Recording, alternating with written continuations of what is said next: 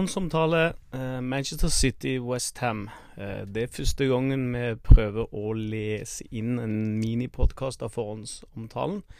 Eh, den er som alltid skrevet av Mats Pettersen. Blir lest inn av Arle Østbø etter beste evne. Og så går vi i gang, følger teksten. Skrevet på østlandsk, lest inn på halvveis sarnesisk. Den eh, skjer jo på Etiad Stadium eh, i morgen, 27. februar, klokka halv to.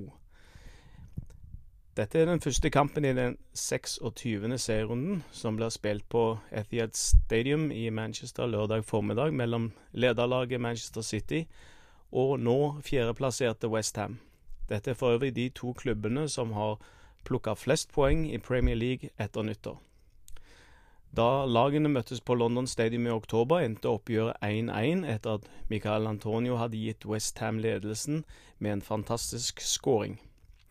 I midten av desember lå Manchester City plassert som nummer ni i Premier League, og de hadde nettopp spilt 1-1 hjemme mot bunnlaget West Bromwich. Etter den tid har imidlertid formkurven bare pekt én vei, og nå drøyt to måneder senere topper de tabellen med ti poeng ned til neste lag. En fantastisk rekke som nå strekker seg til 19 kamper i alle turneringer uten tap. Senest onsdag denne uka beseiret de Borussia Mönchenglaber med 2-0 på bortebane i Champions League. Det kan bli en stor sesong for Manchester City, da de i tillegg er klar for finalen i ligacupen og kvartfinale i FA-cupen. Det er mange spillere som har stått fram for City denne sesongen. Midtbanedynamoene Ilkay Gundogan har etter nyttår virkelig blitt en målskårerrang og vært svært sentral i klubbens lange rekke av sterke kamper. I tillegg har John Stones spilt seg inn på laget etter å ha vært mye ut og inn de siste par sesongene. Stones og Ruben Diaz er de to som foretrekkes i de viktigste kampene, men en av de blir innimellom hvilt for å redusere muligheten for skader i det tette kampprogrammet. Mange mener at Ruben Diaz er den viktigste årsaken til at City er så solide defensivt denne sesongen. Andre spillere som har stått spesielt fram, er Phil Foden, den offensive backen Yao Cancelo og selvfølgelig Kevin De Bruyne. Sistnevnte har riktignok vært ute noen uker med skade, men er nå tilbake i spill. Klubbens toppskårer gjennom mange sesonger, Sergio Aguero, har denne sesongen slitt med både skader og covid. Det har derfor ikke vært mange ganger Aguero har vært på banen for City, og han står med kun to skåringer hele sesongen så langt. Guardiolo har, Guardiola har vekslet med å bruke Gabriel Jesus, Jesus helt på topp og ved å spille uten en ren spiss i enkeltkamper. De har hatt suksess med begge deler, og noe av grunnen er selvsagt at de har mange målskårere i laget som ikke er rene spisser, som Riyad Mares, Gundogan, Foden, De Bruyne, Bernardo og Sterling. Pep Guardiola rår over en stor og bred spillertropp. I øyeblikket har han heller ikke skadeproblemer å bekymre seg for. Den eneste som er uaktuell med skade nå, er stopperen Nathan Ake. Ake ble hentet fra Bournemouth for, før sesongen for hele 40 millioner pund, men har slitt med å spille seg inn på laget. I øyeblikket er han bak både Stones, Diaz, Laporte og Garcia i kampen om en stopperplass på førstelaget. Westham kjempet seg til tre nye poeng mot Tottenham på søndag. Seieren hang i en tynn tråd på slutten, men alle som representerte Westham den dagen, spilte virkelig med hjertet utenpå drakta. Alle fikk selvsagt med seg Susjek sin offervilje da han ønsket å blokkere et mulig skudd mens blodet rant kraftig fra panna. Den episoden var på en god måte et godt bilde av Westhams innsats denne dagen, og viljen til å vinne mot naboen fra lenger nord i hovedstaden. Mot Tottenham var Michael Antonio tilbake fra start, og det var derfor spesielt morsomt at det også at det ble skåring på spissen. Antonio spilte en god kamp sammen med de andre offensive spillerne Lingard, Bowen og Fornals.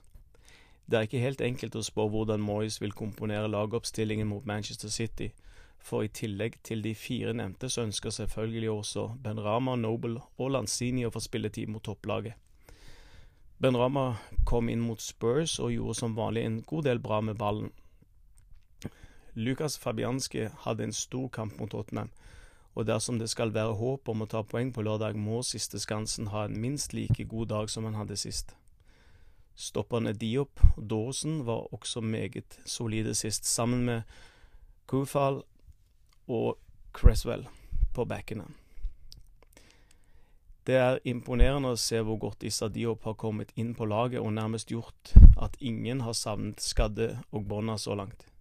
Ben Johnson spilte en meget god cupkamp mot Manchester United for et par uker siden, men har ikke vært i startoppstillingen etterpå. Han kom inn for å se spesielt etter Gareth Bale sist, og som vanlig gjorde Johnson en solid jobb.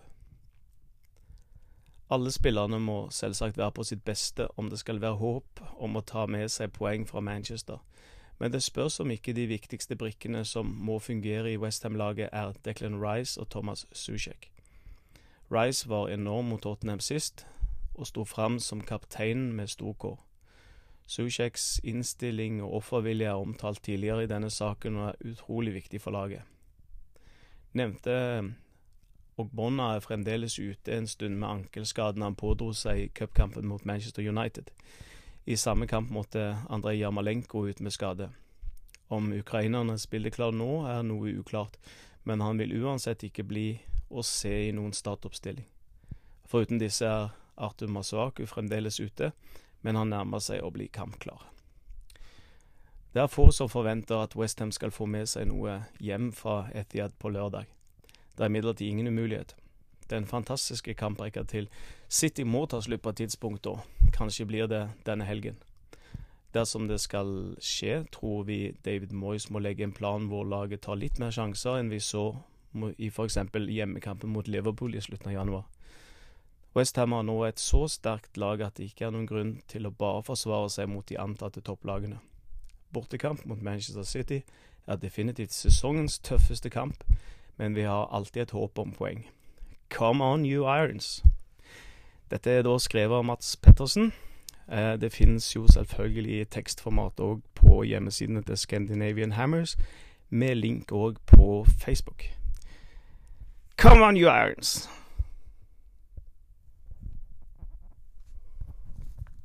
Yeah.